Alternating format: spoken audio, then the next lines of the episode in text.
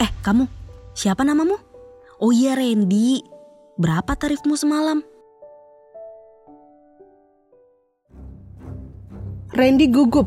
Dari lobi terdengar suara berat seorang pria dewasa. Saya mencari pemilik apartemen. Ada? Iya, saya. Ada yang bisa saya bantu, Om? Ada. Di sini yang namanya Randy. Tuh, Randy. Indah menunjuk ke arah Randy yang berdiri bersandar di tembok. Pria itu menghampiri dan mendaratkan pukulan tepat di wajah Randy. Oh, kamu. Suami Lady Boss memukul bertubi-tubi Randy. Sedangkan Lady Boss berlari dan berusaha melerai mereka. Sejak perkelahian di apartemen, hubungan Randy dan Lady Boss merenggang.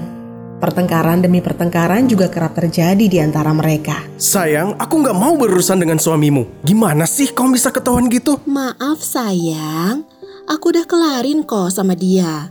Tenang aja, jatahmu nggak akan berkurang.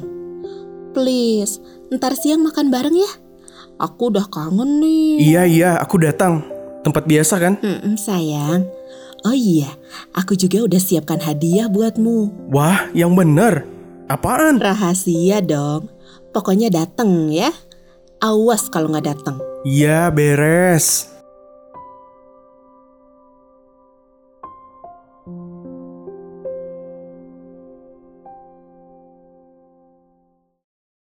Ren, Randy, ke mana saja kamu? Dari kampung nelponin kamu nggak bisa. Ini ibu kamu sakit, Ren. Panggil-panggil namamu terus. Dan sekarang warga lagi bawa ibu kamu ke rumah sakit. Apa? Ibu sakit. Aku bisa antar kamu ke kampung sekarang, Ren. Ayo. Tapi Udah, gak usah tapi. Ini darurat, Ren. Randy dengan bingung mengikuti saja ajakan Maman pulang ke kampung. Randy dan Maman melajukan motornya menuju kampung halaman mereka. Melihat kondisi ibunya, Randy memutuskan untuk tinggal beberapa hari di rumah. Randy mematikan ponselnya selama di kampung. Nak, apa kamu gak apa-apa nungguin ibu gini? Kuliah dan kerjaan kamu bagaimana? gak apa, Bu. Sepertinya aku berhenti kuliah saja. Aku mau sama ibu di sini. Loh, loh, kenapa ini? Jangan ku bercita-citamu, nak. Habis ini ibu sembuh. Sudah, besok kamu balik ke kota ya. Tapi, Bu, Sudah, ini perintah ibu, jangan dibantah. Randy menuruti perintah ibunya.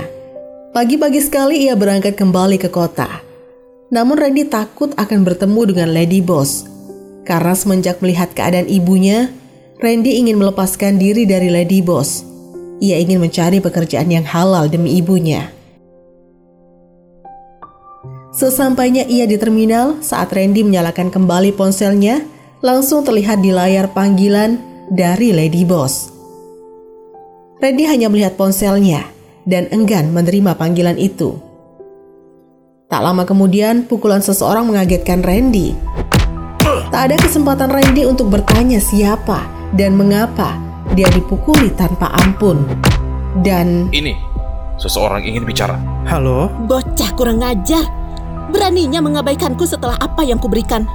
Sengaja aku memataimu.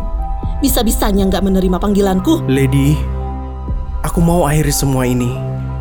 Tolong tinggalkan aku, Lady. Apa katamu? Jadi kurang bodyguardku menghajarmu? bodyguard Lady Boss kembali menghajar Randy. Dan terdengar seseorang meminta tolong setelah melihat Randy dikeroyok. Karena khawatir akan diamuk masa, akhirnya bodyguard Lady Boss pun mundur dan lari. Aku tidak tahu bagaimana kabar Randy sekarang.